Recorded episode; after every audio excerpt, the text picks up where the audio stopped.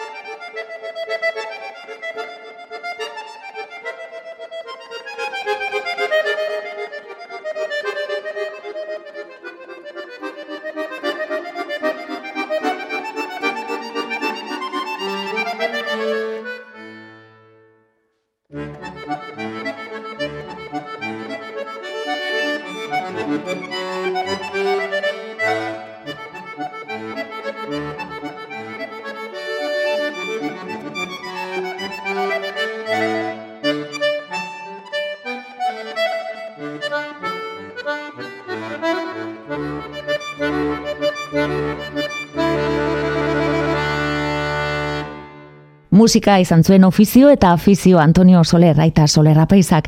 Eleskorialeko monastegian organista eta koru zuzendaria zela gauean berandur arte konposatzen zuen loari orduak enduz. Askotan goizeko ordu bat akarte, atzera berriz lauretan iratzartzeko lehen ofiziorako. Atzetan soinua duen gure musikaririk nazioartekoenetako batek jota entzun dugu, Iñaki Alberdiren eskuetan Solerren re maiorreko laurogeita laugarren teklaturako sonata. Klasikoak EITB.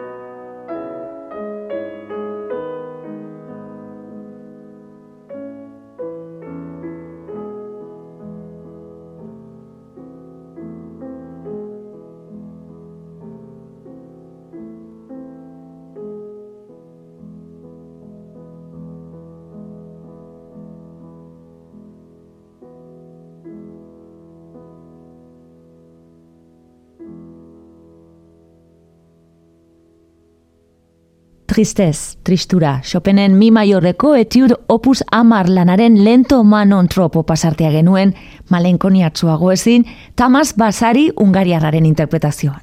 Eta jarraian, Christoph Willibald Gluck opera egilearen obrari kospetsuenaren pasarte batean entzungo dugu Magian Krebasa, metzot sopranoa.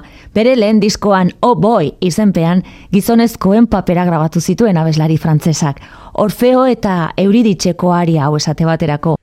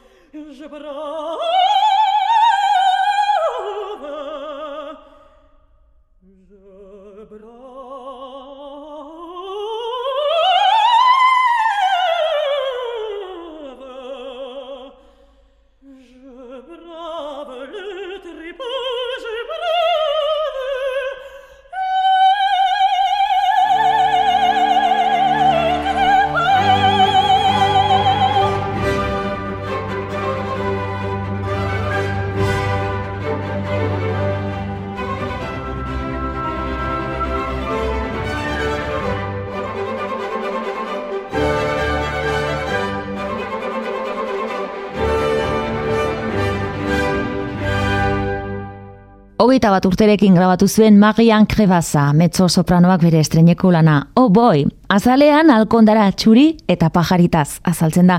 Kontua da, gizone galtzak jazten zituzten garaian eta emakumeek ez, morbo handia zuela nonbait, neska bat prakak jantzita ikusteak. Shakespeareen garaiko bombatxo labur horietan pentsatu behar duzue. Eta opera munduan oso ohikoa zela emakume batek papel maskulinoak abestea. Galtza paperak deitzen zitzaien, eta esan bezala oso arruntak ziren. 2008an Marian Krebazak diskoa atera zuen horiekin. Mark Mikonskik zuzenduriko Salzburgeko Mozarteum orkestraren laguntzaz. Orfeoren aria bat eskaini digute. Klasikoak EITB.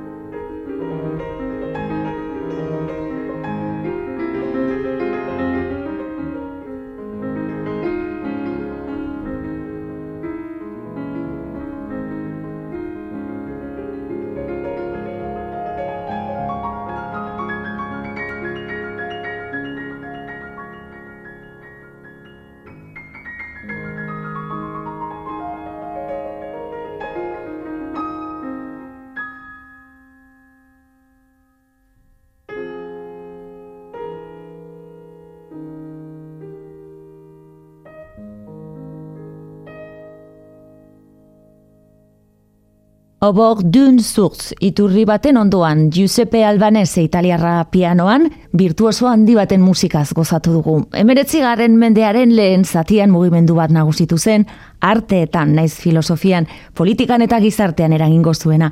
Eta musikan, Franz Liszt, Austria-Hungariarra izan zen, punta-puntakoenetako bat. Klasikoak eite Eta olako piano doinu eleganten ondoren, musika abestuaren hildotik jarraituko dugu. Magda Kalmar, soprano ungariarraren agotzean, bibaldiren laudate pueri entzungo dugu. Ozatu?